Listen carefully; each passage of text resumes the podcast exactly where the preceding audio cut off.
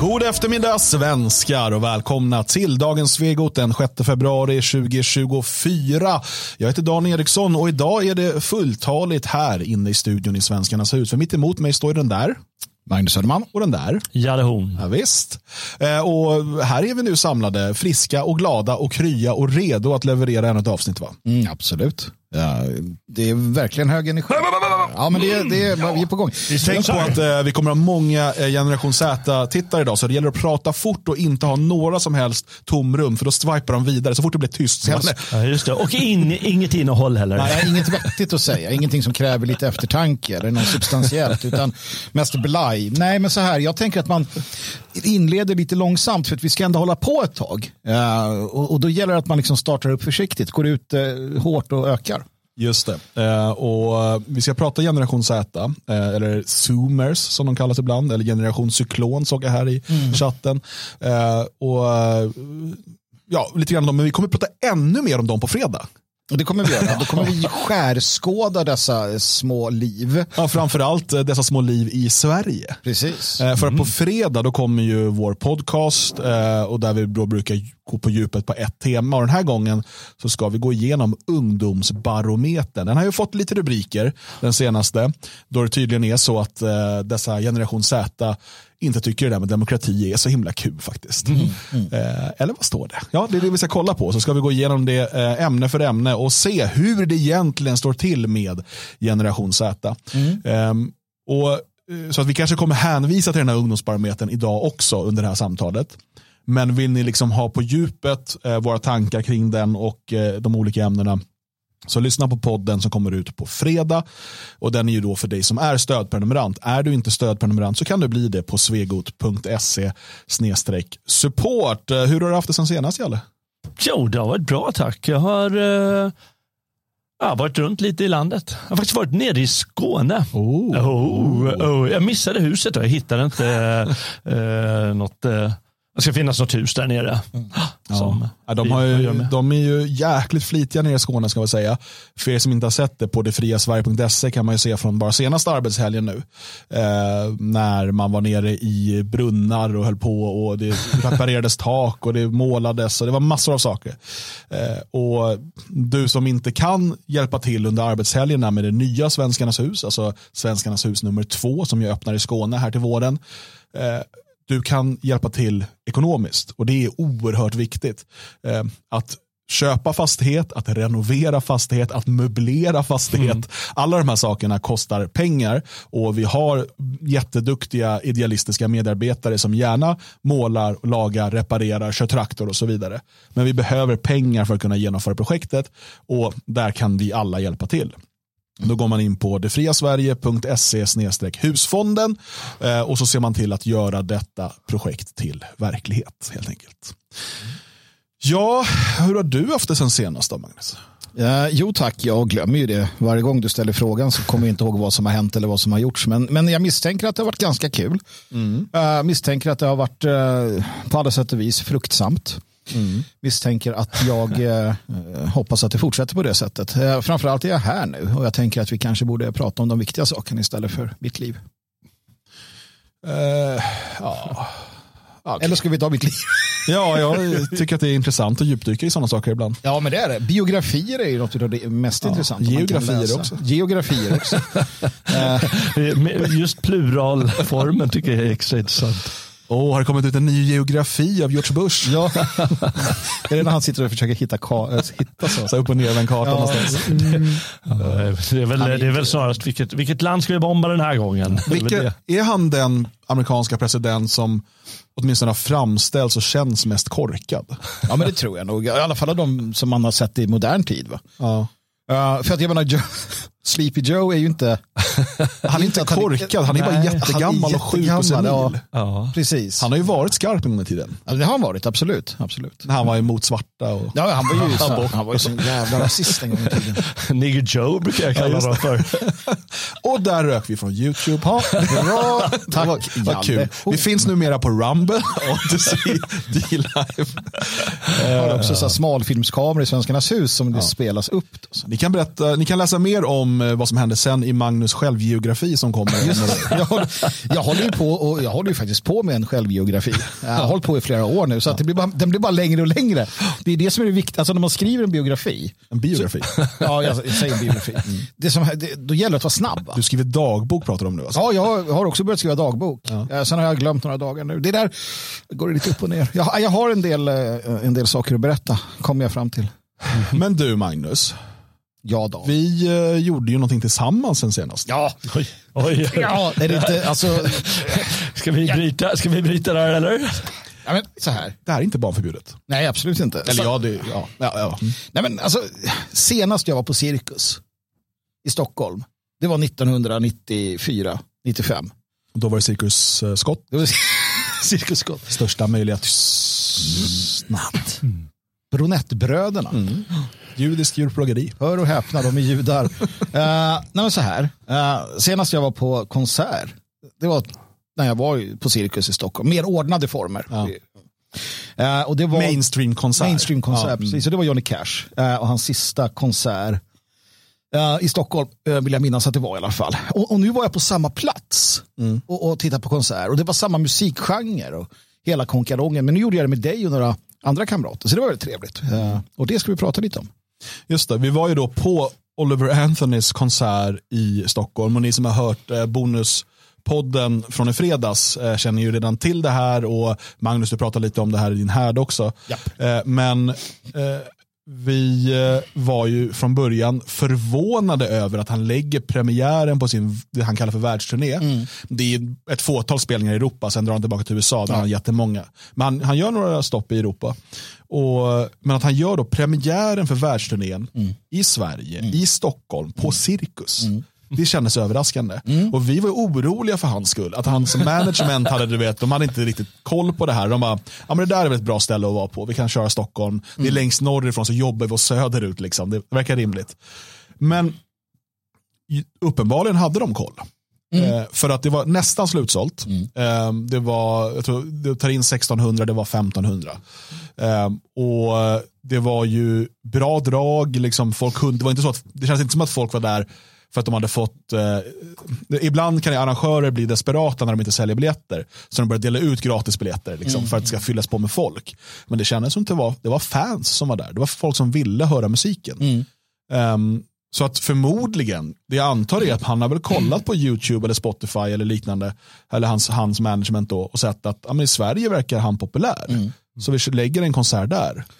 Det kan vara också att de liksom de sökte Sweden och den här typen av musik. Så kom det upp Eddie Medusa och så klickade de och tittade och så såg de liksom hela det här så bara, där har vi grabbarna ju. Det här är ju Anthonys typ halvbröder i Sverige.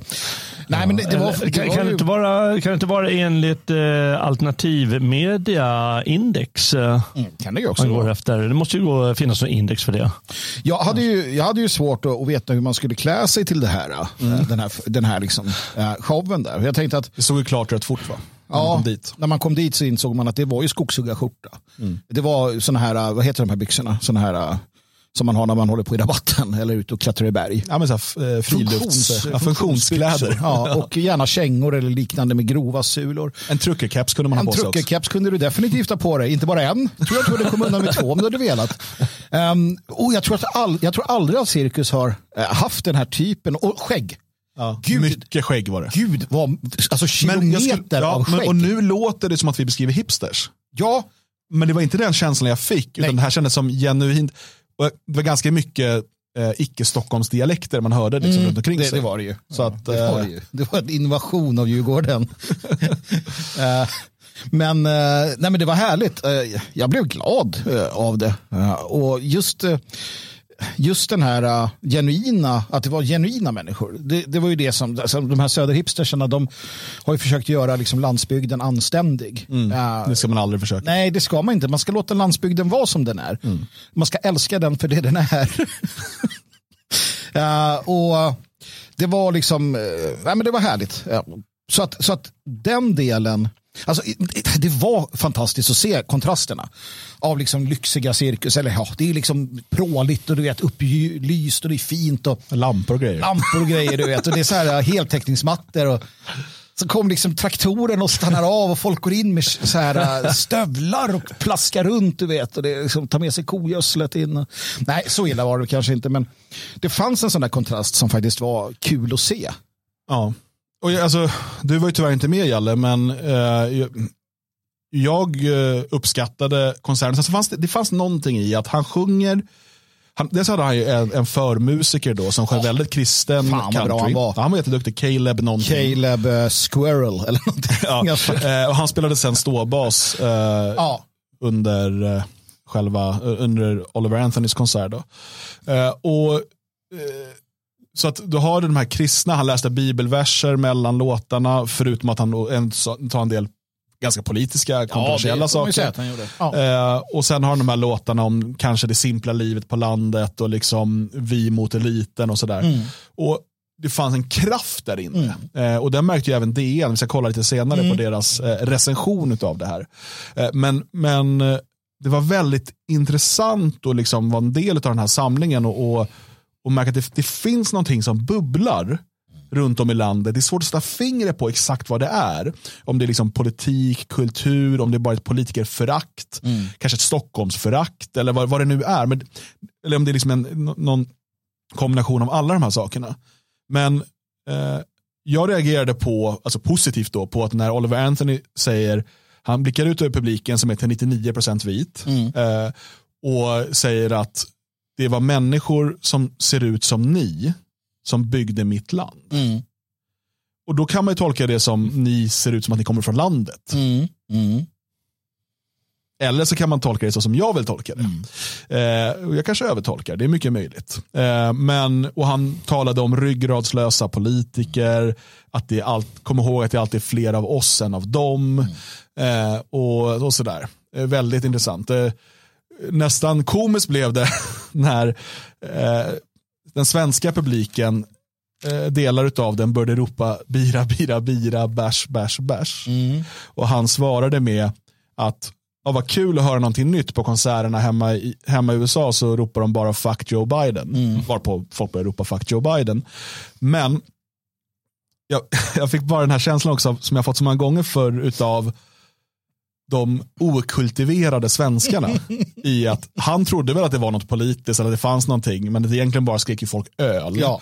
Mm. Eh, det här påminner mig om bland de första gångerna jag var i det så kallade Bruna huset i Jena i Thüringen eh, i samband med Feste Fölker, tror jag 2006-2007 någonting. Jag sitter med ett par svenska vänner och tyskarna Alltså det som händer är att det är folk från flera olika länder där. Tyskarna sjunger någon folkvisa. Det var någon ryss där som sjöng någon folkvisa. Det var någon, eh, minns inte, fransos tror jag eller sådär. Så var det våran tur. Vi kunde inga visor liksom. Vi var där för att dricka öl och sådär. Så att då är det en kille som inte kommer vad han heter, han stämmer upp då. En busschaufför, en busschaufför inte tänkandes på att det också är melodin till Tannenbaum, som tyskarna känner som en eh, vinter och julvisa. Um, och de tittade på som vi var dumma i huvudet och det var vi uppenbarligen. Ja. För alla andra sjöng något så här fint om du vet, de som har lidit på fälten eller du vet något så här. Ja. och det kändes lite likadant här. Mm.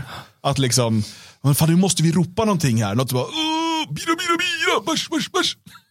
Ja, nej men absolut. Det var, det, det var lite roligt. Jag, jag, tycker också en annan sån här sak som var rolig. Det var att, att svenska publiken förstod nog inte. Uh, liksom att den här andligheten och kristna tron som finns där, att den är ju på riktigt också.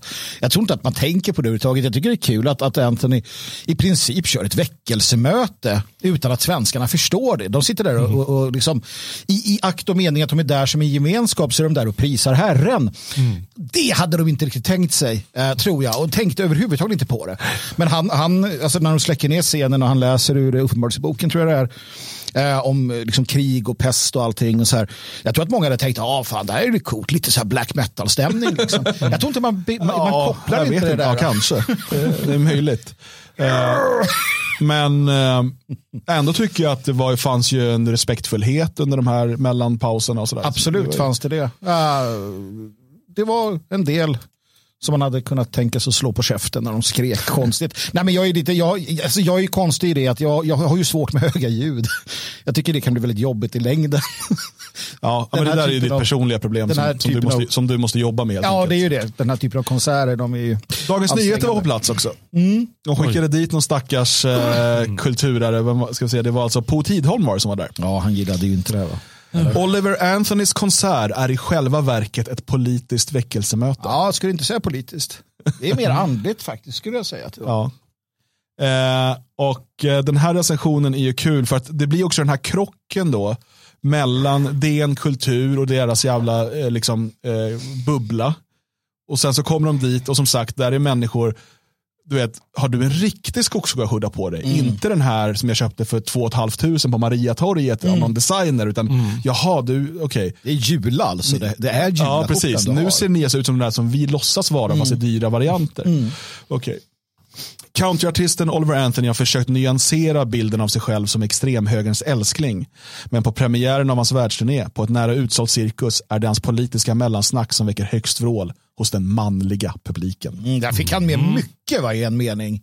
Mm. Jag, jag, vet inte om jag håller med ändå heller. För att jag menar, eh, medsångandet, säger man det, medsjungandet eh, i låtarna, och inte bara de politiska utan i allra högsta grad de övriga, eh, visar snarare en, en, en lyssnarskara som känner med den här hopplösheten, alkoholen, liksom sorgen, eländet, arbetar, arbetarens bekymmer som han sjunger mycket om. Jag tyckte ja. att de flesta verkade känna igen sig ja. nästan mer i det än liksom Joe Biden. Det är ju en sån här kul grej ja, i mellanspelet.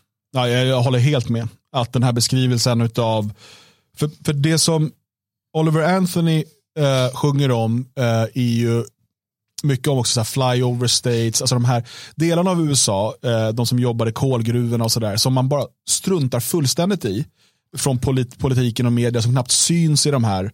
Eh, och eh, istället så eh, han sjunger ju någonting om att de bryr sig mer om eh, liksom att, eh, ja, utsläppen från kolgruvorna än människorna som arbetar i dem. Mm. För människorna spelar liksom ingen roll där. Och, han, och jag tror att många i Sverige, eller jag vet att många i Sverige, känner igen sig av just den här Stockholmsfixeringen och att, mm. all, och att, de, att människor i Stockholm eh, inte förstår att det finns ett helt land utanför som dessutom är avgörande för att de här stockholmarna ens ska få mat och mm. energi och allt det här som de tar för givet. Ehm, jag tror att det finns en oerhörd likhet här mellan eh, de amerikanska delstaterna som inte ligger längs kusterna och eh, den svenska lands och glesbygden. Det vittnar ju DNs artikel precis om. Ja. Alltså hur de i städerna, Po här då, Pooh som han... Ja. Uh, hans liksom själva inställning är ju jättetydlig i, den, i, det, i det avseendet. Så att. Han fick ett av fem i alla fall. Han fick ett av fem. Ja, nej, men är det inte så att uh, Pooh um missförstår eh, vad som händer. Nu var inte jag där, men det, men det känns som att han vill ladda med politik när det egentligen som säger det handlar om livskultur mm. snarare. Mm. Livsomständigheter. Och det är det han utstrålar och vill förmedla den här Anthony. Eh, allt medan Po då, han kan bara se att ja, men det är människor från, låt oss säga alternativhögern i det här fallet. De samlas där och så lyssnar på honom och han drar sina berättelser eh, mellan låtarna, den här Anthony och eh, då, då ser han bara politik. Mm. men han, för det är det, Anthony är ju snarare, jag menar, det är apolitiskt på något sätt. Alltså, mm. jag, jag, skulle vilja dra en koppling till typ Sex Pistols och uh, liksom fuck everything liksom. Uh. Anarki Alltså, snarare det, han hatar ju alla politiker. Mm. Anthony har ingen gull, han är inte, han är inte maga Nej, det på sant. det sättet. Mm. Det är så här jävla eliterna, de här rika jävlarna norr om, om, om liksom staden där och det är liksom det här packet och vi folket, kom ihåg att vi är fler än dem. Så att han har ju ingen tydlig, det är inte så att han, eh, att han stöttar en viss, han är ju frihetlig um, och, och liksom mer att så här, ja, men, ha lite kul och dricka öl och sjung och skit i det där. Man kan säga alltså på Tidholm är ju faktiskt eh, född och uppvuxen på landet. Men han är det då utav Stockholmsföräldrar som flyttade dit under gröna vågen. alltså vänsteraktivister som flyttade dit, hippies. Eh, eh, som, som flyttade ut dit. Och sen har han bara jobbat inom liksom, journalistik och, och mm. eh, kultur och så vidare. Eh, så att, eh, jag tror han bor i Norrland någonstans nu. Okay. Ja. Officiellt. Ja, jag tycker att han borde flytta till Tyskland och vara journalist där. han heter på. ja. Eh, men ska vi läsa lite ur den här också? Ja, låt oss, låt oss. Det är en förvånansvärt alldaglig konsert med en rätt alldaglig snubbe som sjunger rätt alldagliga låtar. Ja, Och det är dåligt då tycker han. Ja, precis. För det tänker jag att det var ju det som var bra. Ja, precis. Så jävla skönt. Nivån är inte högre än hos ett countryband i en vanlig amerikansk bar. Två akustiska gitarrer en polare som just lärt sig spela ståbas. Texter om bilar, gud, tjejer och sprit. Jaha. Vad behöver man mer? Ja, alltså, alltså här är, jag beskriver jag allt jag tycker om ja. här. Ja, men några polare som gillar att lira lite, alltså sjunger vi om bilar, gud, tjejer och sprit. Ja, det. Vad, är, ja, inte. Ändå är cirkus snudd på utsålt och stämningen extremt upphetsad. Ehm, den amerikanska Trump-högen är, vilket DNs Kristoffer Ahlström skrivit om, helt uppe i varv i sina försök att demonisera Taylor Swift eftersom risken finns att hon öppet ska stödja Joe Biden inför presidentvalet. Själva har de till nyligen bara haft Ted Nugent och Kid Rock att hoppas på, möjligen Kanye West. Så när Oliver Anthony i somras dök upp från absolut ingenstans med protestlåten Rich Men North of Richmond så högg de direkt. Oliver Anthony sjöng om höga skatter och rika politiker, att överviktiga mjölkar välfärden på pengar och att staten bryr sig mer om pedofiler än kolgruvarbetare.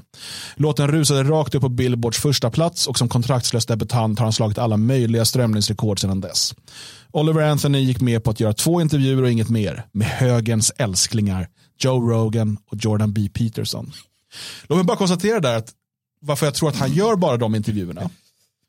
Det är för att det är långa format som, där du får tala till punkt och där det inte klipps. Mm. Jag tror det är rätt smart att ställa upp i de här tre timmars långa mm. samtalen istället för att sitta med eh, CNN eller några som klipper ut 20 sekunder för att vinkla det. Ja, sen tror jag också att han, i den mån då han har bestämt själv, liksom, att han tänker sig att okej, okay, de här killarna är i alla fall sköna och de uh, kommer inte tjafsa en massa. Nej, men då tar jag dem. För varför ska jag gå och ställa mot liksom, några jävla människor som vill sänka mig och torpedera mig? Mm. Han, han, är ju inte sådär, liksom, Uh, han verkar inte vara sådär slipad utan han tänker bara fan vad skönt att slippa, kan jag berätta min historia. De här ja. är schyssta. Precis. Eh, en annan sak som är så löjligt med, med hans artikel här är att han, han tror att det bara finns eh, de här artisterna som då skulle vara lite höger. Mm. Det finns ju förstås massor med artister i USA, inte minst inom, country, mm. inom countrymusiken. Och även politiker i USA. Ja, men han kan bara nämna Trump-höger och så, så är vi där liksom. Mm. Och så kommer man inte längre. Mm. Mm. Det blir väldigt ensidigt. Ja, och precis. Och som sagt, den här, den här politiska den politiseringen, den är ju helt, i princip helt avsaknad av politisering, det här, den här konserten. Fortsätter på Tidholm. Men han har också försökt nyansera bilden. Anthony har beskrivit sig själv som någon som förstår det arbetande folket, som befinner sig i mitten av den politiska skalan och som helst av allt vill föra människor samman med Guds och musikens hjälp. Den amerikanska vit maktprofilen Nick Fuentes Fuentes, arriba, arriba! Har anklagat honom för att fega ur. För att försöka spela vanlig för att maximera sin publik. Jag, jag måste vara Fuentes, arriba, arriba! Kanske inte hör hundvisslan som överröstar musiken. Man måste säga så när man säger hans ja, mexikanska ja. namn. Nej, men, alltså jag fattar att det är, så, det, är så, det är så parodiskt för att Oliver Anthony har inte uttalat sig att vara någonting. Han, är ja, han har sagt att han är i mitten, ja, han, han är, ja. Ja, att han inte är varken höger eller vänster. och sådär. Nej, och, han har sagt en del underliga, dumma saker. Uh, han, han, sa någonting så här, diversity is our strength, något liknande. Mm. Inte exakt så, men det var andemeningen mm. i alla fall. Mm. Uh, han är en, en, en, en jänkare, en amerikan från landsbygden som har varit med om en massa skit. Han kan spela lite gitarr och sjunger och tycker det är trevligt. Han har liksom försökt bli nykterist, eh, så vitt jag förstår det, sluta supa, sluta liksom droga och tro på Gud och hänger med sina polare. Han är vare sig mer eller mindre. Jag ser att man, vissa i chatten som går här, så här vill säga att han ska vara liksom planterad å ena sidan och andra säger att han är... Kan inte en människa bara vara nu för ja. tiden? Alltså, det är det kan han inte bara vara menar, Allt är? måste vara en Hollywoodfilm med någon typ av konspiration ja. och någon typ av hem, någon bondskurk av något slag.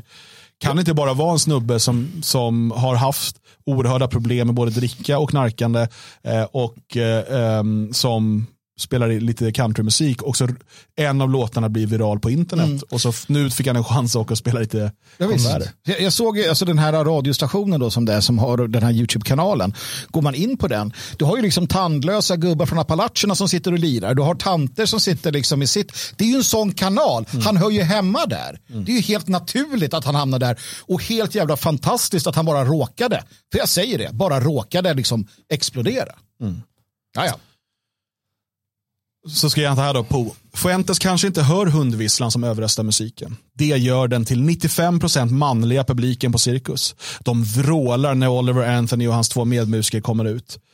Han var på konsert förut. Det är inte ovanligt. Man får, alltså, att man jublar när artisten man har köpt biljetter till kommer ut på scenen. Jag hade, ja. om, om jag var i Norrland och Öskeföjdet kom ut så hade jag bara ja, men, för jag vill se dem.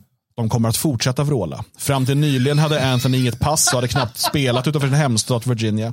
Många har undrat varför hans bokningsbolag förlade premiären på hans världsturné i Sverige, men de hade tydligen koll på den politiska demografin. Oliver Anthony talar lugnt och länge mellan låtarna. Han säger att våra länder styrs av ryggradslösa kryp till politiker, att våra samhällen är degenererade. Han återkommer till det flera gånger utan att precisera hur.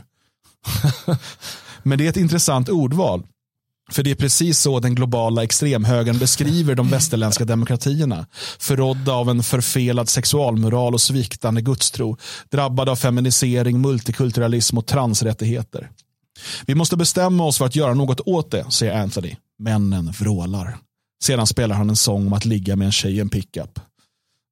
Jag läste det och tänkte, vad, försökte han hitta, var det någon poäng han ville göra där? Att det var så fel och då ligga med ja, en tjej men i att han är en mansgris som bara sjunger om att ligga med tjejer. Dessutom pickup, det är en massa avgaser och utsläpp. Ja, det var, ju, var det inte typ hans fru han sjöng om? Men, eh, men han menar väl att det, det, det är det som är degenerering eh, lika Ja. mycket. Ja, skulle är det jag han vill säga. Ja, just att ligga Men- med tjejer i generering. Ja, men det kan jag förstå att hon tycker. Jo, men- han är ju sjuk och- i huvudet på något sätt. Vet du, det är det här de är livrädda för.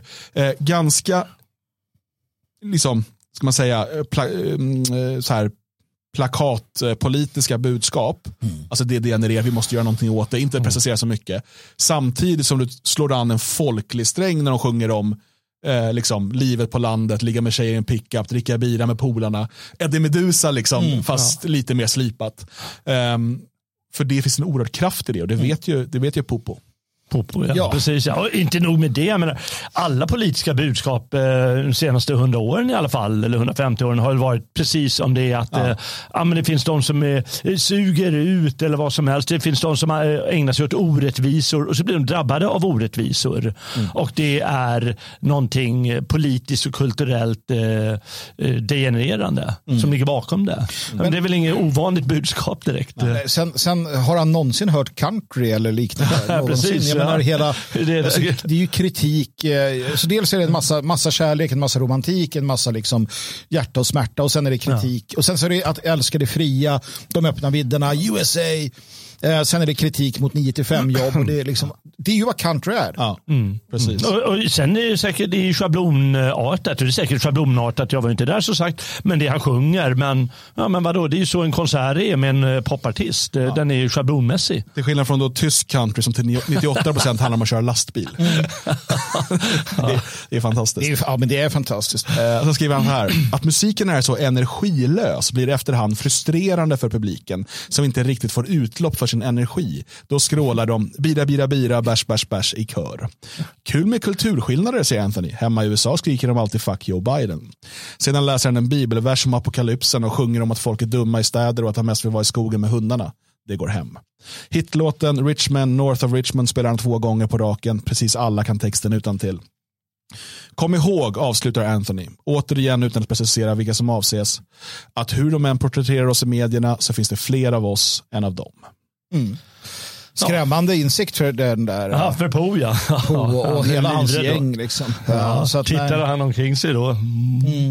Men det är ju samma, som, som sagt, det här är någon form av så här, på, på, alltså på sätt och vis hade det ju, nu är det här vänsterjournalister, va? men det var ju samma sak, du hade höger, alltså konservativa under 60-talet i USA som, som när hippierörelsen Bob Dylan och allt vad de heter vänder sig mot etablissemanget, vänder sig mot kriget, vänder sig mot det här och det är liksom, då är gröna vågen. Då, var det ju, då lät det ju på det här sättet från högerkonservativa, alltså de som, Ja, ja. Ja. De som understöder systemet, makten, de som, de som är liksom etablissemangets eh, Men, men alltså, varför skickar man Popo Tidholm Ja. till den här konserten?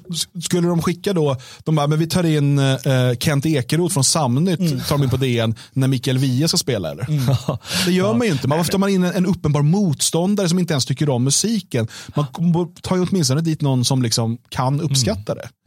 För han sitter där, han försöker göra narr av publiken och liksom, publiken är dålig och det är bara män och bla bla bla. Det är, Ja, men det blir ju löjligt. Det, det blir det. Men jag kanske har rätt i en massa grejer. Att, ja, ja, med lite distans från det så, så blir det lite klyschigt eh, hela tillställningen. Ja, ja och, och, och Men- jag menar rent musikaliskt så är det inte den största upplevelsen jag haft. Långt därifrån. Det är en kille som är habil på att spela gitarr och han, precis som han skriver. Men det är ju inte det det är inte det som är liksom grejen där heller. Utan varför blev hans låt en hit? Ja, han, har, mm. han har en bra sångröst, mm, mm absolut. Mm. Eh, och det går igenom. Men framförallt så är det en text som slog an hos väldigt många människor. Ja.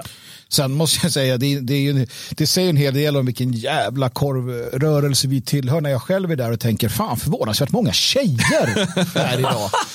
Uh, det, det, säger en del om vad vi är för. Ja, men vi hade några tjejer uh, snett bakom oss som var ja. där bara de. Så här, ja, tjejgäng som tjejgäng. Det var fan så här. Okay. De, de ville väl ha killar, ja, kanske. Smarta brudar. Ja, de kunde alla låtar. Vill ha riktiga killar också. Vill de ha. Riktiga män ja. hittar man och så, på cirkus. Och så råkar de ha Po bredvid sig. Ja, så, så vad fan gör vi här? Men det var kul att eh, träffa några eh, lyssnare slash medlemmar i föreningen ja. eh, som kom fram och, och hälsade. Ja, dels hade vi ett större gäng som vi skulle möta upp där. Ja. Men sen så var det ju folk som kom fram några gånger och, mm. och hälsade. Och så där. Det var kul, kul att se er alla. Verkligen, verkligen. verkligen. Um, några som bara tittade också. Antingen vågar de inte säga hej ja. eller så hatar de oss. Ja, det kan ha varit något av det. Men jag väljer det som att de tycker det var bra. Men faktiskt, det var... Eller så var vi bara oerhört snygga. Det, ja, det, det, var ju det också. Det där tjejgänget till exempel. Ja. De var ju, ja, det, de var ju till sig. Ja, det kan man tänka sig. Ja. Det, det, är i alla fall det mest rimliga antagandet. Absolut mest rimliga. så är det. vi ska prata generation Z. Eh, mm. Och vad är då generation Z? Vi kanske ska börja där bara. Eh, för att eh, det är lätt att bara slänga sig med det där. Man brukar ju prata om eh, kulturella generationer.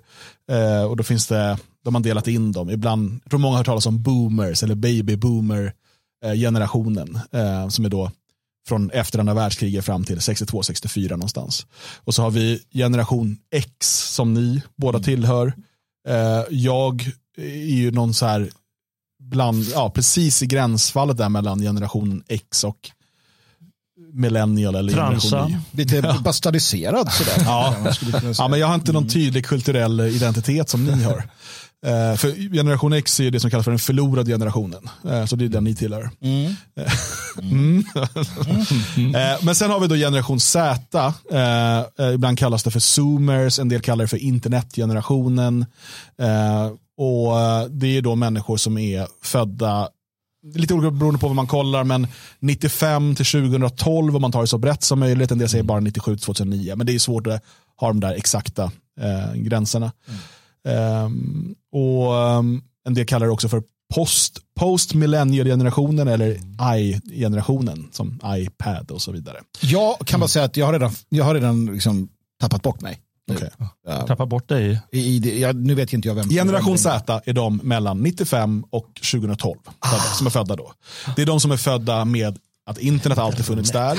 De är de första som i stort sett har vuxit upp med mobiltelefoner. Uh, vi alla, vi gubb, gamla gubbar här, vi minns ju en tid då internet inte fanns, eller mm. åtminstone inte fanns i människors hem och framförallt inte i människors fickor. Mm. Uh, vi minns en tid då det inte fanns reklam-tv i Sverige. Då det bara det fanns statlig tv. Mm. Det var det. Eh, och vi, eh, alltså, det, sånt känner inte generation Z till. Nej. Utan de eh, har alltid haft tillgång till eh, snabb information, alltså att nyheter har man kunnat få, man väntar inte på att tidningen kommer ut nästa dag. Mm. Eller att det kommer rapport eller aktuellt på kvällen. Mm utan man eh, kan hela tiden kolla i sin telefon eller på internet och sådär. Och hur bra har det gått då? Hotell. ja, det är väl det vi ska eh, prata om. För anledningen att vi kom in på det här, eh, det var ju ett, men ett viralt klipp. Mm. Eh, på en eh, kvinna, jag på säga flicka, det vore lite väl nedvärderande kanske. Eh, som talar om hur jobbigt hon tycker det är mm Uh, hon har liksom gjort överskriften här. How do people manage to enjoy life while working full time? Mm. Vi kan lyssna på det här för att jag reagerade först på ett sätt mm. och sen fick man liksom tänka efter lite. Uh, så att uh, vi låter hela klippet gå då. Mm. Det är två minuter och då låter det så här. Och det här har fått många, många miljoner visningar och varit väldigt omdebatterat. Så att uh, ni kanske redan har hört det. Men för er som inte har gjort det så låter det så här. Why is it that I have to work 40 hours a week just so I can have a place to live. 40 hours a week makes me $2,000 a month and my rent is 1660. So I work 40 hours a week so I can have a two bedroom apartment and an extra $300 a month. Like It doesn't cover my phone, internet, food, you know? So not only do I not have any extra money, but just working makes me so exhausted that I don't have time either. Like I get off work at 5:30, come home I'm just so tired. I'm so tired that like anything that I need to do outside of work, I then just push off to like the weekend and I'm like I'm just too tired to do this after work. I'll wait until Saturday. So then I end up with so much to do on the weekend that ends up having to be split into two days. So I have to do stuff on both Saturday and Sunday. So then I don't get a day off. I don't get a day to relax. I don't get to decompress. So it is really like working seven days a week, constantly. And I, I don't want to do that anymore, right? Like, I don't care how poor and miserable I would have to be. But I literally can't have a place to live without this, you know? Like I don't know what to do. I'm not I'm not made for this. I don't have the money, time, or energy to enjoy my life outside of work and I don't know what to do about it anymore, you know? I'm so tired. Mm. Uh, jag kan bara hoppa in direkt här. Va? Jag reagerade lite som många gör i den här chatten samtidigt och säkert som du där Dan. Jag satt och skakade lite på huvudet när jag tittade på det här och tänkte, ja, jag säger då det. Sen sa hon en sak som gjorde att jag bara så här ändrade mig helt och hållet och det är när hon säger I am not made for this. Så tänkte jag att nej men det har du rätt i lilla gumman. För i helvete, det är helt sant. Du är inte gjord för det här. Du är inte gjord för det här jävla ekorrhjulet. Du är inte gjord för den här jävla liksom, den här världen och den här typen av arbeten som hon säkert inte vet jag står på en jävla Starbucks eller någonting.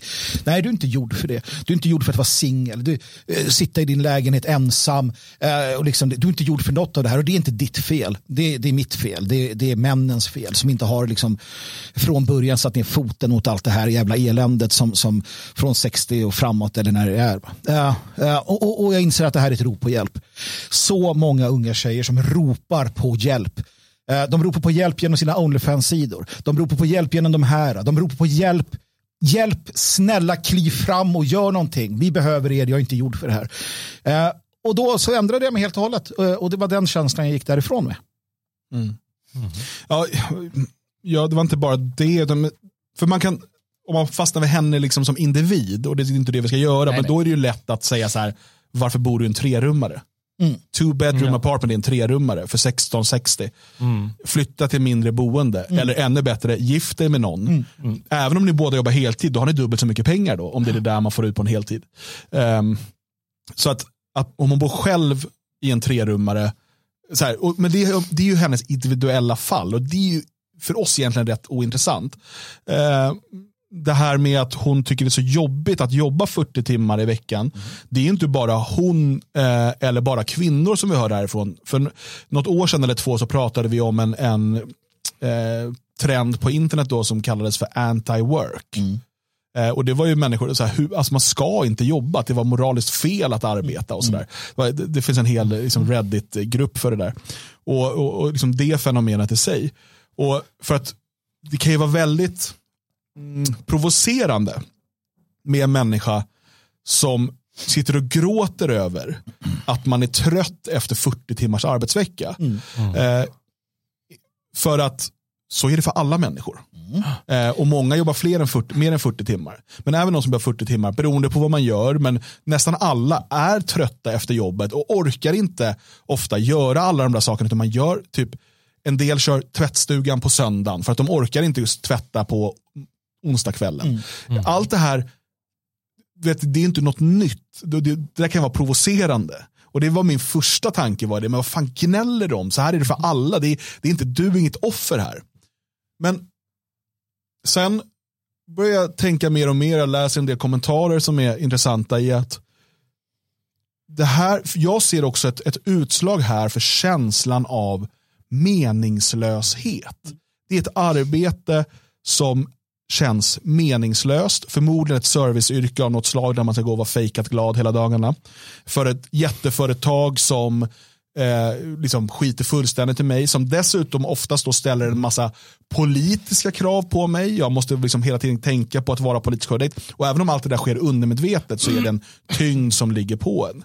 Eh, och man kommer till frågan varför gör jag det här? Samtidigt fylls det, eh, så fylls det mm. sociala flöde av lyckliga människor på semester, dyra kläder och så vidare. Mm. Och du undrar, men jag jobbar ju 40 timmar, det var det vi skulle mm. göra. Och ändå har jag fan inte ens råd att gå på bio. Mm. Nej, men det är ju någonting med förväntningarna som är, eh, är knas. Eh, man kan bara jämföra då med, som folk gör i chatten här. De, de nämner inte en kinesisk eh, eh sömmerska eller något sånt som jobbar 16 timmar eller vad nu ja. jobbar. Som mer eller mindre slav med andra ord. Ja. Men den här kinesiska damen på landsbygden, i städerna är det annorlunda. Men hon har väl inte som du, de förväntningarna. Och hon, lä- hon kollar inte alla de här grejerna på internet och så vidare som man hela tiden konfronteras med. Vare sig det är tv-serier eller det är saker man kan köpa eller bara kommentarer om det ena och det andra på Instagram och överallt. Ehm, eh, och då då är hon mer harmonisk i sin roll, mm. Eh, den här kinesiska sömmerskan och inser att ja, det, det är livet. Jag går och arbetar och sen så går jag och sover och jag arbetar och så går jag och sover eh, och så överlever jag och så äter jag mig eh, halvmätt och så vidare. Men hon, den här tjejen, hon förväntar sig därför att eh, givetvis så finns det runt omkring den här det, det, man skulle kunna uppleva. Och det är någonting. Och en annan sak som är intressant, hon är väldigt ung då, att det kan ju vara kanske en skillnad från oss och dem att något jättestort brott som har hänt mellan eh, barndom eller ungdom och vuxenliv. Att hon träder, känns det som, plötsligt in i vuxenlivet där hon måste jobba hårt eh, för att eh, få ut saker hon har fått tidigare. Eh, bara öppna munnen mer eller mindre, för mamma och pappa har gjort det. Mm. Eh, eller omständigheterna runt omkring mm. henne. Och eh, det kanske är någonting nytt här, att eh, det har blivit som en jäkla mur man går in i mer eller mindre mm. när man blir vuxen. Jag, jag, tror också att en viktig sak här, jag bara vill eh, liksom föra fram något som, som jag själv är ibland ganska dålig på, men jag eh, försöker hela tiden. Det är eh, de, de bevingade orden se, eh, se alltså innan du ser bjälken i broderns öga så titta på stickan i ditt eget eller tvärtom. Ja. Jag kan inte ens citera Bibeln ordentligt. Mm. Skäms på mig. Mm. Men det här att, förlåt honom. För. Ja, förlåt mig för att jag vet inte vad jag gör. Nej, men, det är väldigt lätt att och det är lite intressant att se hur reaktionerna är. Samma människor, jag skriver in mig lite i den skaran, som kritiserar att maten är dålig numera. Vi får i oss mycket sämre med vitaminer och mineraler. Mm. Mycket mm. fler tillsatser. USA är ett skitland, de förstör sin befolkning. Bla bla bla. Samma människor säger din jävla kärring, sluta gnäll. Mm. Hallå, vart är vi någonstans? Mm. Eh, Tror vi att, att vi har ett problem med hur, hur människor behandlas eller har vi inte det utan hon ska bara skärpa sig. Men skärp dig själv då. Mm. Eh, vad gnäller du om massinvandring och skit? Ja men slå dig fri och bygg ditt liv och ha det bra. Eller så måste vi inse att det här är en del av det. Hon, till skillnad från så många andra, vågar ju känna och säga jag är inte gjord för det här. Vad fan är felet? Mm. Eh, jag vill höra fler av henne. Jag vill höra jättemånga som går ut på TikTok och berättar hur jävla jobbigt de har det. Jag vill se mm. fler videos, fler vita kvinnor som säger att jag pallar inte det här livet. Jag vill att det blir en väckelserörelse av människor som säger att den här moderna världen förstör mig. Mm. Jag vill inte att man ska lägga locket på och säga att nej, men jag går som en snäll NPC. Många verkar tycka att man ska gå som en snäll NPC, göra sitt jobb och inte gnälla. Tvärtom, vi ska gnälla som fan. Vi ska inte vara något jävla prekariat som de ska kunna göra vad de vill med. Vi ska slå oss fria, precis som ja, Anthony också sa. Vad är, det, vad är det för konstiga idéer? Liksom? Ja, nej, men, det är viktigt det du säger. För, för vad händer då om hon säger att jag tänker inte jobba mer? Ja, då, då går hon på arbetslöshetspeng och blir det här prekariatet ja, som du precis, säger. Precis. Och det är ju inte bra, utan det viktiga är att, att, att folk blir medvetna om det för att hitta en annan lösning än att de går på bidrag. Mm. Sen, sen är det ju det, jag vet inte om vi kommer komma in på det Dan, det, men det här med vad är det för jobb som görs också. För att eh, om man tar då eh, den här idén om att kvinnan då inte klarar av att arbeta, det är ju skitprat. Kvinnor är ju slitvargar lika mycket som män. Mm. Tänk på alla kvinnor inom vården eller alla kvinnor inom jag menar, de gamla mattanterna som jag minns eller kvinnorna som jobbade på, på badhuset. De ja, som eller hade kvinnorna som innan industrialiseringen har liksom tagit hem om gård och Precis. barn och alltihopa. Det, alltså, det är inte så att de har varit lata och bara legat. Det, det var inte att de låg på soffan och Nej, kollade inte. Instagram hela dagarna. Liksom. Så det är ju inte det. Va? Så det är inte det. Eh, och män är lika, lika duktiga på att jobba. Så kvinnor och män är skitduktiga på att jobba, speciellt germanska. Vi har byggt det här, liksom, den civilisationen. Så vad är det som har hänt? Varför, varför orkar vi inte lika mycket? Varför orkar inte eh, min generation som mina, min föräldrageneration, farsan jobbade på. Vad är det som har hänt i samhället? Jo, det kan vara mycket av de här kraven som jag vet vi kommer att prata om. De här, eh, de här artificiella kraven som ställs eh, i serviceyrkena till exempel. Jag vet Dan, du kanske kan ta över där. Ja, men, men, jag var inne lite på det, det här med att man ska vara ständigt uh, leende, ständigt glad, falsk. Alltså så här, eh, ja, om vi ser då efter industrialiseringen eh, och när många jobbade i produktion, i produktionen, eh, då kunde du vara en liten butter person eller sådär. Eller du behövde liksom inte gå och låtsas vara glad. Utan du gick och gjorde ditt jobb och sen kunde du gå hem och så var det färdigt med det. Eh, att jobba i ett serviceyrke, det är verkligen inte för alla. Man pratar om att vi ska ställa om till ett tjänstesamhälle och servicesamhälle och sådär. Ja, men det är inte för alla. Det är inte för alla att gå och låtsas vara glad och trevlig mot människor hela dagarna. För jag är ganska övertygad om att det också, om man inte är lagd åt det hållet, mm. så tömmer det dig på väldigt mycket energi och glädje som du hade behövt utanför jobbet. Eh, och, och, Jag tror att man kan se mycket sådana eh, symptom i det här. Men jag tror just den här, just den här känslan av att varför gör jag det här? Mm. Vad är det? Mm. För att, eh, för som jag säger, min första reaktion när jag såg det här, det var så, men fan gnäller de? Det är väl bara, så är det för alla, man får gå och jobba och sådär. Sen så tänker jag på mig själv. Jag har alltså drivit företag sen, jag drev företag i 10-12 år eh, och jobbade med projekt jag tyckte var kul eller spännande. Jag kunde se att jag byggde upp någonting. Mm. Eh, och sen eh, har jag kunnat jobba heltid med eh, motgift och eh, nu med Dagens Svegot och liksom göra det som jag brinner för. Mm. Det kan man inte jämföra med att du går till ett jobb som du känner eh, liksom, där du känner dig så utbytbar, där du känner dig ehm, liksom, vem, vem jobbar du för? Vad jobbar du för? Mm. Och menar, ett sånt yrke kan du gå med på om det betyder stora pengar i plånboken som gör att du kan sen göra andra saker du drömmer om. Men om du kommer hem och märker att jag gör det här bara för att överleva. Då är det väldigt svårt att motivera sig. Speciellt när man liksom kan se andra som man tycker eh, verkar ha ett mycket eh, lyckligare liv och sådär. Mm. Och jag, jag är helt övertygad om att vi människor, vi är inte gjorda för att leva ensamma. Sitta i någon jävla lägenhet, oavsett om den är stor och fin, men att sitta i någon lägenhet, gå på något jobb åtta timmar om dagen, säkert en, två timmar restid per dag eh, och sen komma hem till den där tomma, ensamma lägenheten. Hoppas att det är någon liksom väninna som kan komma över och hälla i sig en bag-and-box med mig så att jag orkar stå ut imorgon också. Där vi pratade Oliver Anthony tidigare, vad är det han säger? Uh, working overtime hours for bullshit pay. Mm. Och det är det hon ger uttryck för här. Hon, vad är grejen med det? Varför gör jag det här? Mm. Det är som att hon, uh, hon har sett sprickan i The Matrix. Hon liksom, det, det, här är inte vad, det här är inte vad jag är gjord för. Nej. men det, när du säger de här serviceyrken och så, så, det har ju kommit till en väldigt obehaglig punkt. Eh, om man tänker eh, på 50-talet och, och 60-talet, eller kanske lite tidigare också. Ta en flygvärdinna till exempel. Hon hade en särskild status i sin mm. roll. Just att menar, hon, skulle vara, hon skulle vara snygg, hon skulle vara en pingla. Mm. Och hon liksom går den här rätt stiliga klänningen och, och ska utstråla något särskilt. Vilket betyder att hon får uppskattning uppskattning för sin roll och sin utstrålning på ett helt annat sätt än någon som, eh, någon, någon, som man ska prata med i telefonen angående mm. Eh, det man undrar och ringer om. Eller någon som jobbar i den här sortens butik eh, som man ska smila och allt vad det är.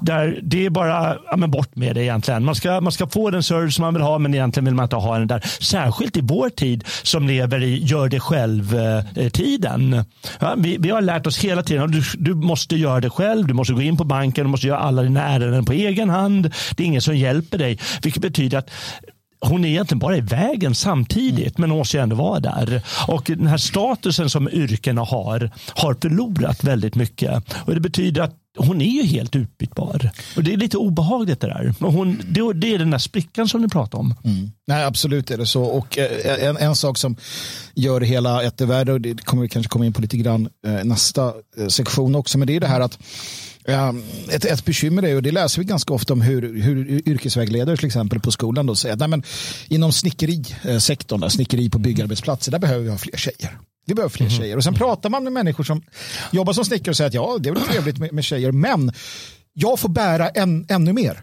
jag får göra ännu mer. För de kan vara skickliga på att slå i spikar och vad det nu är. Men de orkar inte lika mycket som deras manliga kollegor på jobbet gör. Eh, om vi då tittar, eh, om vi målar med bred pensel. Ja, när jag jobbade på åkeriet hade en, en, en kvinnlig chaufför. Hon kunde i vissa fall inte rubba en pall som, som hon fick upp på palldragen utan behövde hjälp med det. Så att, mm. någon annan, så att hon kände sig dålig och den andra mm. fick göra så här. Om kvinnorna då i det här fallet skulle kunna få eh, arbeta med saker som de faktiskt får energi av arbete. Jag såg en, en i chatten som skrev att, att hon, hon blir uppfylld av energi när hon jobbar med hushållssysslor. Mm. Eh, om kvinnor och det vet väl vi alla att när vi gör något vi tycker är bra och vi kan, då blir man energi, fylld mm. av energi. Mm. Um, och, och, och, om kvinnorna då eh, kunde då arbeta med till exempel de jobben som de passar bäst för, inte bli lurade in i, i sektorer de inte kan hantera, så kanske de hade mått bättre. De kanske hade orkat mer. Vissa jag känner som, som, som arbetar inom vård och omsorg som verkligen liksom får utlopp för det, de, de är ju överlyckliga över att varje dag få göra nytta. De känner mm. att de har gjort något. Mm. Ja, det betyder mycket det där. Både i det praktiska och eh, det som eh, på något sätt förväntas eller som man möts av i yrket. Men sen kan man även ta, gå, för vi kommer komma tillbaka till det här snart, men liksom hur det är med meningsfullheten eller liksom den här eh, meningsförlusten som har skett här. Det, det är ju ändå så att eh, alla arbeten, det är ju det är någonting bredvid det vi har som biologiska varelser, nämligen att man och kvinna möter varandra och föder barn. Mm. Och eh, där är tydligen eh, ett mönster bland de här generation Z att eh, de det är många som ratar familj. Mm. Tydligen är det så att de uppskattar familjen, men de menar liksom mamma och pappa och hela mm. släkten kanske. Men de, de ratar familj, de ratar till och med sex mm. i högre grad än tidigare. Och när jobbet är besvärligt, då är det alltid en skön känsla att komma hem. Mm. Att du har ett hem och du har eh, kanske en man eller kvinna och kanske har barn eller blivande familj som mm. väntar på dig mm. som fyller ditt liv med mening mm. som saknas på det här arbetet. Och det är någonting som uppenbarligen verkar vara tydligt. De skapar sig en, en sorts annan identitet den här generation Z mm. jämfört med tidigare generationer. Vi sa här att generation Z är den första generationen som växer upp med internet och mobil och sådär. Eh, och inte känner till något annat. Jag skulle också säga att det är den första generationen som växer upp eh, när alltså attacken på din naturliga identitet är som starkast. Mm. Ehm, det är liksom, om vi ser eh, både Sverige och USA, men, men ehm, det här attacken på den vita identiteten eller svenska identiteten i Sverige. Eh, attacken på den manliga och kvinnliga identiteten. Hela det här um, liksom, könsförvirringen. Du ska komma på vilket kön du är också. Ingenting ges dig naturligt. Uh, det, det, det, är som en så här extrem liberalism. Ni vet det här där man ska ha tusen val av allting. Mm. När folk, vi vet att folk blir stressade av att ha många val. Och det gäller då när de ska bestämma tandkrämsort och elbolagabonnemang. Mm. Men tänk när du också ska välja bland 3000 kön kön. Ja. Vilket kön är du egentligen? Är du lite sådär, lite sådär, lite sådär? Och eh, den, dina föräldrar ger dig inte eh, den här, och liksom samhället, den här naturliga identiteten i att du är svensk, du är kvinna, vad innebär det? Vad förväntas av dig? Eh, hur uppför man sig som kvinna? Hur uppför man sig som man? Eh, och de här naturliga saker som alltid har kommit i samhället förut och gett en grund att stå på. Och när dessutom den här gemensamma identiteten, vare sig det då är i USA som idag är mycket mer um, rasligt diversifierat och liksom gemenskapen på lägre nivåer än någonsin, men också i Sverige det mångkulturella, det svenskfientliga och sådär. Uh, när den gemensamma identiteten är under attack eller till och med liksom splittrad, mm då blir det också ännu svårare att förstå varför är det, vad är det jag går och jobbar för. Om du inte har en familj som växer där hemma, så det är inte den du går och jobbar för. Du har inte ett folk. Du har inte ett folk som du går att, liksom, jag går och gör det här för vårt gemensamma projekt. Det här behöver inte vara uttalat, det här är ofta undermedvetet. Men inget av det där finns. Ingen av de där naturliga gemensamma projekten, folk och familj, inget av det finns. Och Samtidigt som du har från, ung, från barnsben som vit fått höra att du är ond, du är en förövare. Eh, och sen ska du komma på vilket kön du är, vilken sexualitet du har. Inget av det där är nämligen naturligt utan någonting du själv ska komma på. Allt det här eh, förvrider människor till, och jag, då så här, Alltså då står på Starbucks och servera eh, jävla iskaffe eller vad det är de säljer där. Eh, jag kan förstå att du känner en jävla meningslöshet med allting. Varför? Det är det, ja. som, det, är det som som jag menar just att allt det här vi ser är rop på hjälp. Det här är människor som, som vill något annat, som har insett det här. Jag tror att, jag tror att den här generationen um, den kommer gå igenom mycket, mycket hårda tider och mycket sorg och smärta och elände. Men de som väljer att hänga i, de som uh, inte väljer att så här, uh, kasta bort allt. Du ser det här till exempel som rop på hjälp. Att inte säga att de här, ja, alla tjejerna är värdelösa eller alla killarna är värdelösa. Utan de som faktiskt så här, hänger kvar. De kommer ta oss ur det här. Jag har gott hopp om den här generationen för att den börjar tröttna på riktigt.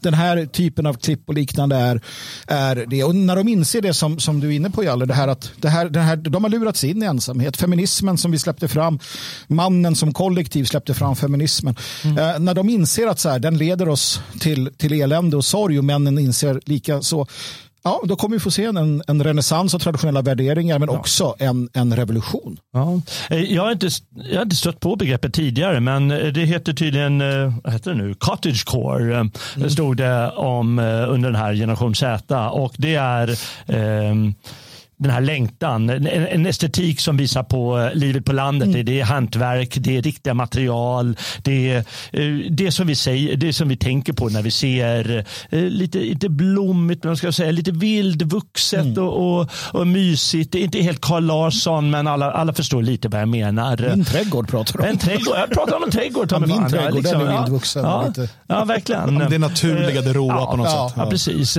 Och den estetiken har de skapat, generation Z äta. Mm. Eller tagit till sig i alla fall och gjort något stort av. Och du sa det här med ja, men de längtar hem. Du, du använder något ord där. Eh, traditionella värderingar och så vidare. Och det är no också någonting som har börjat odlas de senaste tio åren på ett helt annat sätt än oh, tidigare. Yes. Och som vore helt otänkbar eh, på den här 70-tals, 80-talsgenerationen eh, som jag tillhör, då, generation X. Mm. Eh, som snarare skulle prata om progressivitet, eh, liksom progressivt fortfarande. Progressivt samhälle, det kommer utvecklas och det kommer bli så och så och ingen som tänkte på det där sättet att det var den här verkligen vacker estetik de kan skapa och de här traditionella värderingarna. Det var inte en chans att folk tänkte på det sättet då, utan då skapar de det. Dels som en nostalgisk känsla tydligen, för det är också någonting som kommer nytt. Mm.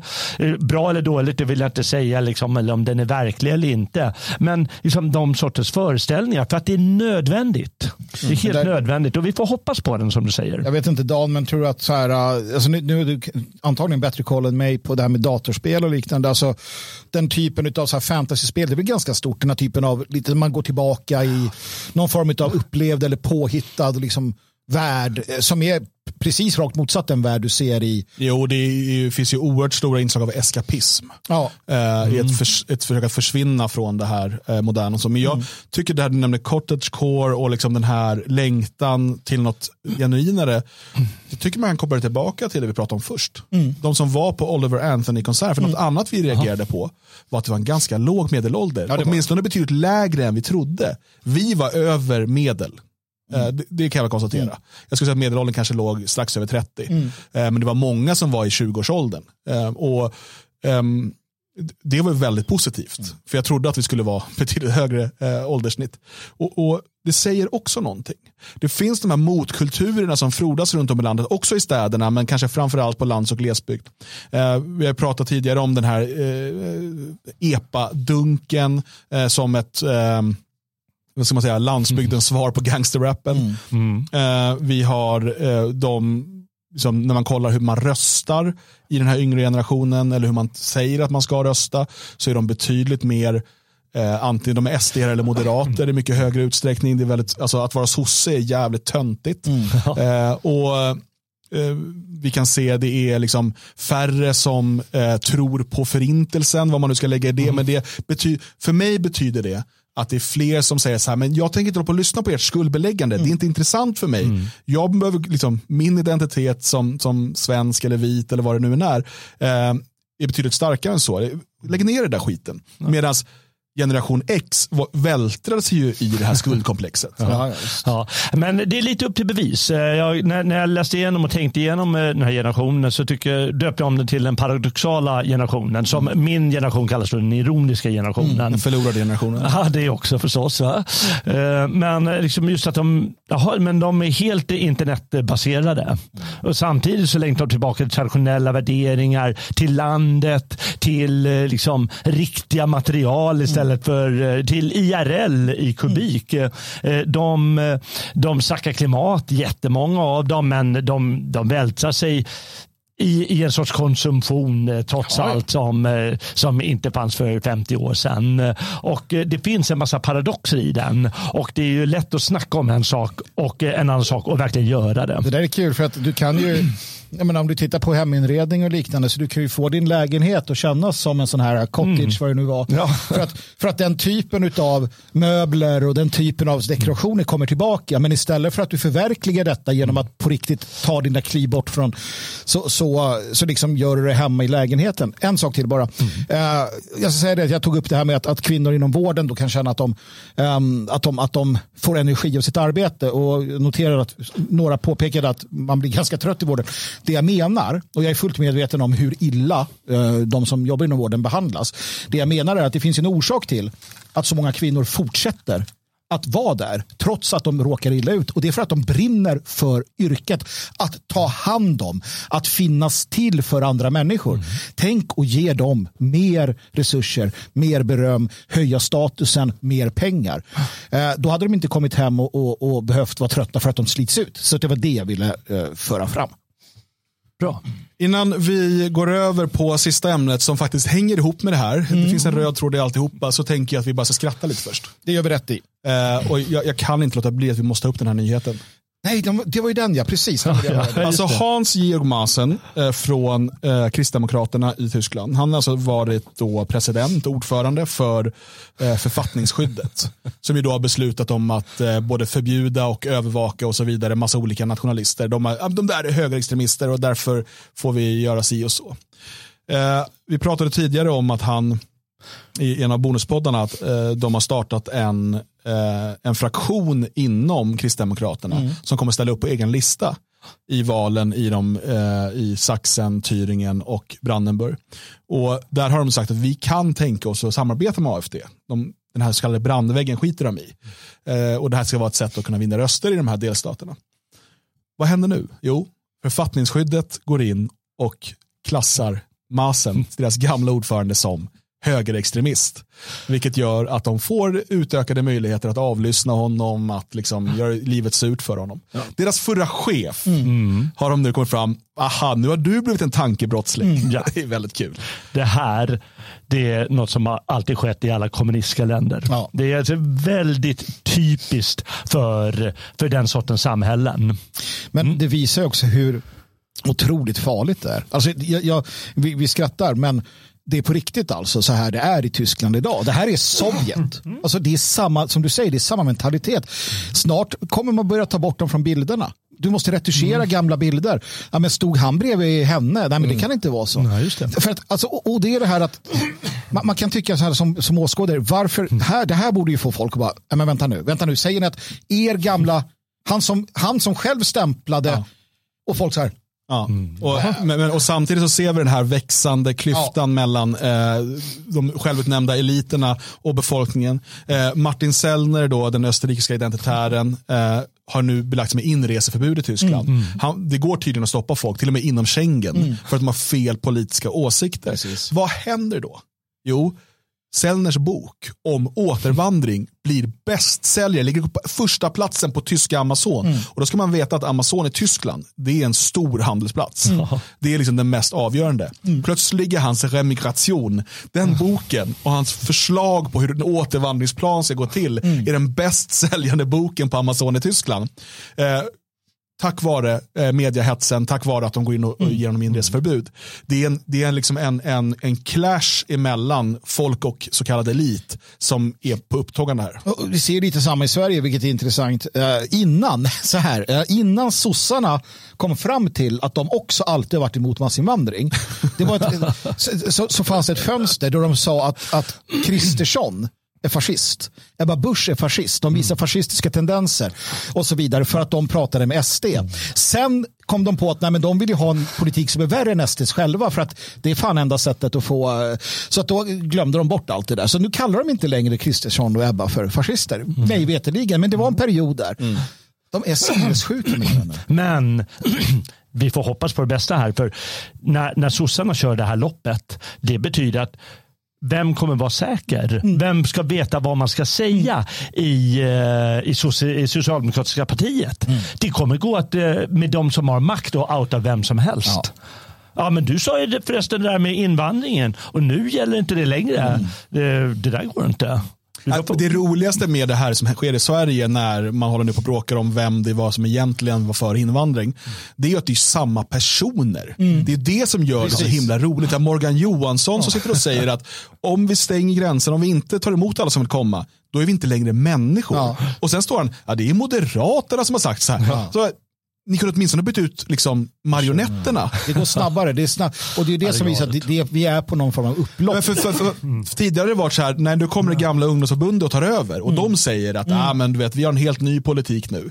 Men det är samma personer. Det är så här, mm. Man kan ju knappt veta från dag till dag vilken fot de kommer stå på. Nej, nej, det vet man inte. Och det kommer göda politikerföraktet och det är bra för att det behövs mer utav. Absolut. Framförallt sosseföraktet. Um, feminismen hörni, hur går det för den egentligen? Nej, uh, den, den är töntig. Ja, de tycker det, generation Z, att ja, men det är inte intressant längre det där. Nej, det, det, det, jag menar, vi har pratat om det här, man har stått och vedlat lite. Jag har pratat med människor som, eh, bland annat kvinnor då, som säger just det, att de har känt på sig eller sett tendenserna i sin, bland sina systrar, så att säga, sina medsystrar, att det är någonting som pågår, det är något, det hållit på ett par år, eh, Eh, men att kritiken har liksom blivit mer och mer och mer Eh, liksom så, för att man någonstans började se vad det var, vad det, vad det tar vägen, vad det slutar med. Och det var inte guld och gröna skogar, det var inte det som man blev utlovad. För det handlar igen om vad har man blivit lovad? Vad har flyktingarna så kallade som kommer till Sverige, vem har lovat dem allt detta som de inte får? Vem lovade kvinnorna att feminismen skulle göra detta? Vem lovade oss att 15 minuter städer och att äta, eh, liksom, eh, äta insekter var så mycket bättre än att äta kött? Vem är det som lovar oss allt detta? Och sen så visar det sig att det var inte sant. Och ibland är cyklerna så pass små att det kan förändras ganska snart. Och där är vi nu. Feminismen håller på att falla. Mm. Ja, eh, framförallt den här feminismen skulle jag säga som eh, som hävdar att män och kvinnor är likadana, ja, ja. att vi liksom eh, inte alls är komplement till varandra utan vi är konkurrenter.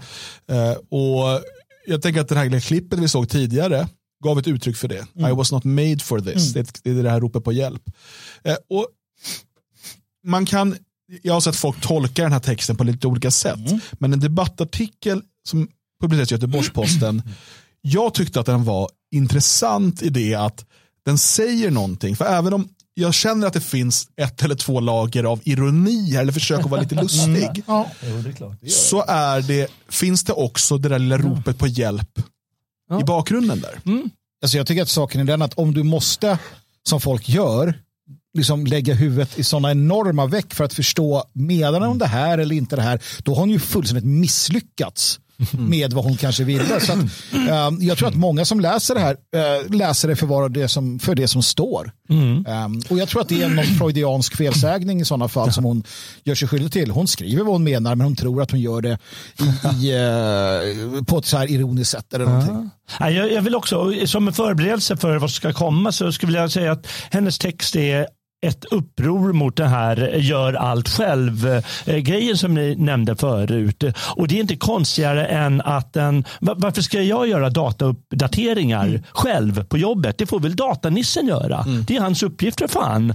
Men idag lite så, ja, men här till exempel, här skulle alla kunna göra det. Mm. Men det är inte smart, utan det bästa är om en person gör det. Eller varför ska läkaren sitta och göra eh, sekreterarjobbet? Eh, när det finns någon som kan göra det mycket bättre och eh, förstås billigare tidigare än han gör. Han har ju sex eh, års utbildning för att göra det han gör. Ska han då sitta och föra något fåniga anteckningar helt meningslöst? Och det finns jättemycket att ta på när det gäller det här. Men, men det här är också, man ska se det här tycker jag i en kontext där till exempel Jermaine Greer, den stora feministiska ikonen i USA, delvis har börjat backa själv på en del. Då har vi, hette hon inte Virginia Woolf? Någon, jo, jo Wolf, Virginia Woolf. engagerade sig mot uh, sprutan. Precis, ja. börja backa i de här frågorna. Du har uh, Onlyfans-bruttan i Sverige. Uh, vad, vad heter hon nu igen då? Vilken av dem? Jag ska kolla min lista. nej, men hon, den, den här feministiska ikonen. Uh, som ser det Linda Skugge. Li, ja, helt plötsligt så börjar ja, så här, men ja. Onlyfans och liksom, jag, jag, vill att, uh, jag vill att män ska ta hand jag vill bli Hörde du hennes podcast när hon läste högt ur uh, Fittstim? Nej. Medan hon blev smiskad. Nej, men det, alltså, det är ingenting som förvånar mig. Hon var ju med och skrev den. Ja, ja. Alltså, det förvånar mig inte ett dugg. Alltså, inte ett dugg. Och det borde inte förvåna någon som har Jag vill att vi ska få lite inspiration till nästa podd nämligen. Magnus, det där sist jag visste, vill du läsa den högt i nästa podd kanske? Ja, men jag tänker att någon annan kanske ska läsa upp den medan eh, jag eh, tillrättavisar och eh, tuktar. Ja. Men, nej, men så här, eh, som sagt, ni ska inte bli förvånade över att hon ville bli det. Men så här är det.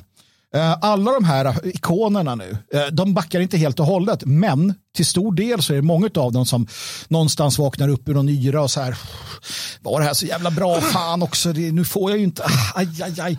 Uh, och så börjar det liksom backas tillbaka och så vidare. Jag måste bara, som en, en grej bara säga, det här är fantastiskt, jag skriver upp i, JS skriver i chatten här, borra upp varannan hylla, tvätta varannan tvätt, laga varannan middag, hämta på dagis varannan dag och så vidare. Kan du fatta hur sjukt, vilket sjukt samhälle? Ja, visst, visst. Alltså, är... Man har liksom aldrig tänkt på att lägga fram det på det sättet. Ja. Ja. Ja. Nej, precis. Komplettera varandra istället. Det är, det är, liksom, mm. det, det, är mycket bättre. Mm. Eh, och Sen får man ju såklart avlasta varandra om det är någonting som någon inte orkar med. Eller sådär. Det, det är ja. inget konstigt med det. Men meningen är att vi ska vara komplement till varandra, inte... Nej, men jag tror att man ska se det som så här. Ja, när det kommer till samhället, hur det är uppbyggt med, med normer och liknande, det är en sak. Eh, och det är viktigt, hur folk har det hemma. Det skiter väl jag fullkomligt i. Funkar det för er ja, ja, det, så funkar det jättebra. Det är inte min Nej, det är inte vår sak. Men ett samhälle, en, en samhällskultur, en livsfilosofi kan liksom inte stå för den här typen av varannan damernas idé för att det blir bara galet. Mm. Men den här debattartikeln som vi har refererat till här nu eh, i tio minuter utan att berätta vad den heter. Eh, Tack för oss, hej då! finns i Göteborgs-Posten. Köp ett abonnemang. Det här programmet sponsras av Stampen. eh, det är väl de som äger Göteborgs-Posten? Jag tror det. Det var det förut i alla fall. Mm. Jag vill inte kunna borra upp en hylla, är rubriken. Nej, så jävla bra. så jäkla roligt. Eh, och eh, det här är eh, då, vad, vad, heter, vad heter flickan? Nelly Johansson. Nelly va? Lilla ne Nelly. Nelly skriver så här, eller så här är ingressen. Jag gillar att bara vara en tjej. Allt rosa, allt som glittrar faller mig i smaken. Trodde sådant skulle försvinna med vuxenheten, men det blev aldrig så. Jag älskar flickigheten, försvarar den in i döden. Snälla, låt mig slippa ansvar. Jag är bara en tjej. Ja, ja. alltså, ja, hon säger det som så många tjejer och kvinnor tänker. Ja, som den här tjejen vi såg förut mm. på mm. film. Men låt mig bara vara. Låt mig sitta med mina liksom, eh, och nu kommer du pratade cottagecore tidigare. Ja. Nu kommer det något annat här. Ja, för Det är därför så svårt att förhålla sig till allt girlcore i mina flöden. Flickigheten har förvandlats till något nytt. Till ett stream of consciousness av I'm just a girl, girl dinner och rosetter. Algoritmerna visar relaterbart content om hur det är att vara en dum och ledsen tjej i vår samtid. Tänk Sofia Coppola, tänk estetiken av vackra honungsblonda ledsna systrar som begår kollektivt självmord i hennes film The Virgin Suicides. Vi klär oss i ballet flats, vi flätar våra långa hår. Vårt spirit animal är Bambi. Vi skrattar åt me me memer om hur vi dumma tjejer är beroende av våra pojkvänner för de mest simpla av uppgifter. På Instagram skapas moderna marknadsförmedlade gemenskaper. Det är där vi tillbringar vår tid. Dumma tjejers arketyp har en integrerande funktion. Den för oss samman, låter oss tillsammans reproducera våra jag och den rosa kapitalismen. Snälla, låt mig bli en del av och totalt integreras med den fria marknaden. Flickigheten är performativ. Det är ett skimrande sätt att passivisera sig själv. Jag vill se en likasinnad dum tjej knyta små, små rosetter. Rosetter som kan dekorera vad som helst och göra allt lite lättare, lite mindre verkligt. Jag har också rosetter knutna i mina flätor. Kanske är flickigheten en motvå mot girlboss-doktrinen, prestationssamhället, kapitalismen, kallar det vad ni vill. Vi slutar att vara Ellie Woods, känd som söt tjej och girlboss i Legally Blonde. En karaktär som må väcka associationer till dum och naiv men det rosa skenet bedrar. Woods orkar allt och tar sig igenom allt. Som nydumpad tar hon sig in på samma juristutbildning som sitt ex som hon målmedvetet ska vinna tillbaka men som hon såklart sedan inser att hon är överlägsen. Ellie Woods är inte hysterisk, hon är en fucking queen. Men vi har synat att girlbossigheten inte leder någon vart. Att skiten är densamma ändå oavsett om vi orkar allt eller inte. Så vi provar något nytt. Det finns många sätt att vara motsatsen till duktig tjej på. Lättare sätt att få vara tjej på. En dum tjej som inte orkar så mycket, som inte vill så mycket. Och med dum tjej menar jag en tjej som inte orkar med ansvar. Över sig själv eller någon annan. En dålig person som bara vill leva. Det enda jag vet är att flickigheten är en motståndshandling och kapitulation i ett. Det är irrationellt och samtidigt fullt logiskt. Och jag vet att det är allt annat än politiskt. Jag älskar att vara totalt hjälplös, bortkommen, utan någon förankring i det praktiska. Att inte veta saker som hur man borrar upp en hylla, deklarerar eller uppdaterar datorn. Jag borde inte veta. Snälla låt mig slippa ansvar. Jag är bara en tjej. Hyperflickigheten bedövar, folkets opium, fast för tjejer. Ja, och jag tänker i, ett normalt, i en normal värld så kan ju, alltså i en relation då så är det rätt skönt som man och inte ha någon jävla aning om vissa saker också. Mm. Och det är där den här komplika- att man, att man liksom kompletterar varandra kommer in. Liksom.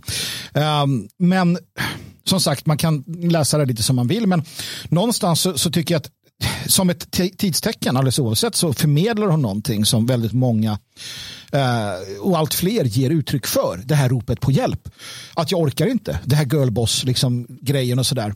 Eh, för att det blev fel. Ehm, och, och eh, jag, jag, tror att vi kommer få se mer av det. Sen, sen, en sak som vi inte har tagit in här som vi någonstans också måste lyftas in det är att titta på alltså hur alltså, eh, olika typer av diagnoser de facto ökar i samhället av olika skäl. Alltifrån autismspektra till liksom andra saker eh, som naturligtvis påverkar. Jag såg nyligen, det kom en ny rapport som visar att från 1970, 70, vår tids generation och nu det bara ökar. Mm. Mm. Eh, och det är delvis säkert för att man överdiagnostiserar men det händer saker med oss med maten vi äter och liksom tillsatser och plaster och allt vad det Ständiga nu är. intryck. Ständiga mm. intryck. Um, och, och, det kan också göra att människor blir, liksom, de blir introverta, de blir, alltså man orkar inte, man orkar inte ta itu med saker, alltså utbränningssyndromen och så vidare. Men om vi lägger allt det åt sidan och så tittar vi på flickigheten, um, tycker jag. Ja, Nej, men, eh, hon, hon typ, det, det centrala är att hon eh, vill slippa ansvaret. Ja. Eh, det är ju så. Och det är jätteviktigt det hon säger. För med alla de här intryck och med alla de här många gånger låtsaskrav eller så har de här, det här sortens arbete där de måste lägga på smilet och, och vara trevlig utan att det ger någonting egentligen. Alla de kraven, de, de, det är ju ett ansvar du har för att fylla upp de kraven. Och det är klart att man vill vara utan dem. För de är ju de visar sig vara meningslösa många gånger och lägga, ha bara ansvar på ett fåtal saker som är kanske mycket viktigare och essentiella. Mm. Det är hennes. Ja, men man kan säga att det, det hon lyfter fram här det är såklart inte vad jag skulle se som någon optimal kvinnoförebild. Ganska långt ifrån det. Alltså den här hjälplösa kvinnan som inte vill ta något ansvar. För det, det blir ingen bra mor kan jag säga. Mm. Eh, men eh, jag, jag, ser det här, jag ser det här som en reaktion, som det är inne på, just den här girlboss-mentaliteten, den här idén om att män och kvinnor ska konkurrera mm. på arbetsmarknaden, att vi ska kunna samma saker och sådär. Att det liksom är det som är huvudsyftet och vi klarar allt själva, vi behöver ingen jävla man mm. och vi män behöver ingen jävla kvinna. Utan vi kan, göra, vi kan klara oss ensamma. Vi såg den här gråtande flickan innan som berättade I was not made for this. Uh, vi läser den här och även om hon försöker vara lite lustig och hon på ett sätt driver med för det, det finns den här underliga motreaktionen som är just den här hjälplösa flickan. Eh, bimbon skulle vi sagt förut kanske. Eh, och, men ehm, det är ju knappast något ideal att sträva efter heller. Men den är ju en reaktion på, på eh, den så kallade girl boss. Eh, och, och därför ser jag det som ett eh, ännu eh, ett tecken på att feminismen håller på att tappa greppet. Absolut. Men jag ser också som att, eh, för att jag tolkar inte riktigt, och det kan ju vara att jag inte vill tolka det så, men den här hjälplösheten hon, hon ger uttryck för, den här flickigheten, jag ser det mer som när jag läser Varg Larsen till exempel och, och den här kvinnliga författaren kommer mm. på fartyget. Hon är liksom hjälplös i mannens värld. Hon har liksom ingenting att kunna sätta upp. Däremot så är hon intellektuellt skärpt. Hon, hon, hon, eh, hon, hon har mycket att erbjuda, både kaptenen och den som sedermera då blir kär i henne. Det blir väl båda på sitt sätt. Då. Men hon är hjälplös i den här faktiska tillvaron hon befinner sig i. Mm. Men hon är inte hjälplös i det att, att hon har liksom intellektuella, kvalite intellektuella kvaliteter och kan ge de här männen både motstånd filosofiskt och på annat sätt. För det kan kvinnor utan tvekan. Utan det är snarare här att ja, men borra upp en hylljävel. eller, eller liksom, du vet, ja. som hon tar upp, så här, deklarera. Klassiskt manligt förr i världen. Jag minns far min, han deklarerade för familjen och så ja. var det med det. Mor min hade ju helt andra kvalifikationer. Mm. Men precis, kvinnor är på ett sätt hjälplösa i mannens, männens värld ja. och vi är hjälplösa i deras värld. Ja. Oh, ja. Ta, ta eh, en av 1900-talets mest kända filosofer, eh, Bertrand Russell. Mm. Nu är inte jag någon fan av Bertrand Russell, men, eh, men i alla fall, eh, han, han kunde inte koka te. Han var helt hjälplös. Han ville dricka sig te ett par, tre gånger ja. om dagen. Han måste ha sin fru eller sina älskarinnor eller vad fan. Serveringspersonal för att göra det mest enkla man kan tänka sig. Dricka en kopp te. Jo, men det är som, jag vet inte, jag, vi hade ett, ett, en historia i chatten här som uh, jag har hört från andra det här att när, när då farfar eller morfar, när, när tanten dog Mm. Så, bara, så bre en macka, koka kaffe. Mm. Så står det bara, ingen aning. ingen aning. Det är klart att de klarar av det rent så här motor, ja. motoriskt. Men så här, jag har aldrig lagat mat för det gjorde tanten, men hon och så vidare. Mm. Ja. Men man måste inse någonting att eh, även om vi tror, vi har länge, länge haft ideal att leva, vara var helt oss själva och jag ska bara vara mig själv hela tiden. Men vad vi gör hela tiden är att klä i oss i olika roller. Mm. Och eh, Bertrand Russell han har uppenbarligen inte rollen som att eh, koka te åt sig nej, själv. Nej. Utan det är någon annan som har det. Serveringspersonalen till exempel. Eller betjänten. Mm. Eller frun. Eller vem som helst liksom, som har den rollen. Nej, men det är, det är bara så. så. Alltså, jag, jag, vet ju det själv. Alltså, som, som boende i hus eh, och man är ensamstående och tar hand om allting. Jag brukar ofta ofta liksom tänka på det att det är så mycket som hela tiden hamnar i hamnar i eh, liksom på att göra-listan. För att mm. det är inte, vi är inte vuxna människor inte skapade för att leva ensamma och att då, då tro att man ska kunna få den här både den intellektuella liksom delen och det andra man behöver göra, renovera någonting eller slå upp någon vindskivor eller någonting. Saken är ju den att då blir det ju som de här genierna som lever i liksom, uh, ja men de sitter i någon, någon schabbig lägenhet och bara skriver för att det är det, de skiter i allt annat för man, får, man måste ge upp någonting. Mm. Och det är där du behöver tvåsamheten, familjen. För då kan du som var det Thomas Mann som stängde dörrarna och så gick han och gjorde sitt eller vem det nu var. Ja, de uh, och, och, skapade medan uh, du kan fortfarande ha ordning och reda sådana som eh, Heidenstam och liknande kunde ha liksom ett, ett bra liv och samtidigt vara fria.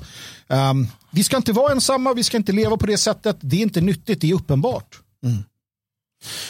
Ja, eh, Jalle Horn, vad händer på Sveating den här veckan? Jag såg att det kom upp en just eh, artikel om hårt arbetande män. Jajamensan. Ja, full, när, jag gör en artikel som heter Hårt arbetande kvinnor. Ja, men nu blev det måste män. komma några först. nej, nej, det var bara att jag råkade läsa om en, en gammal filosof eller konstvetare, eller man ska kalla honom för, tänkare på 1700-talet. Och han, han hade övat sig att eh, kunna sova tre timmar per natt ungefär och sittande dessutom så att han så fort som möjligt kunde börja arbeta, skriva och läsa och tänka. Helt otroligt. Och när man tänker efter så finns det ganska många sådana ja, genom, ja, alltså, vi, vi, det finns ju ett stört hat i Sverige mot eh, eh, verkställande direktörer och eh, liknande män på stora företag. Mm. Och de tjänar mycket pengar och de har fallskärmar och alltihop. Man fattar inte att de är arbetsnarkomaner de här människorna. De jobbar nog ofattbart mycket. En kompis till mig säger att äh, jag måste gå och lägga mig till klockan tio för jag måste ta snabba och bra beslut. Mm. Sen, för sen går jag upp klockan sex och då måste jag ha haft de där åtta timmarna och så hela dagen dysch, dysch, dysch, dysch, dysch, dysch, dysch. Svåra beslut. Det, det, det, är svårt. Ja.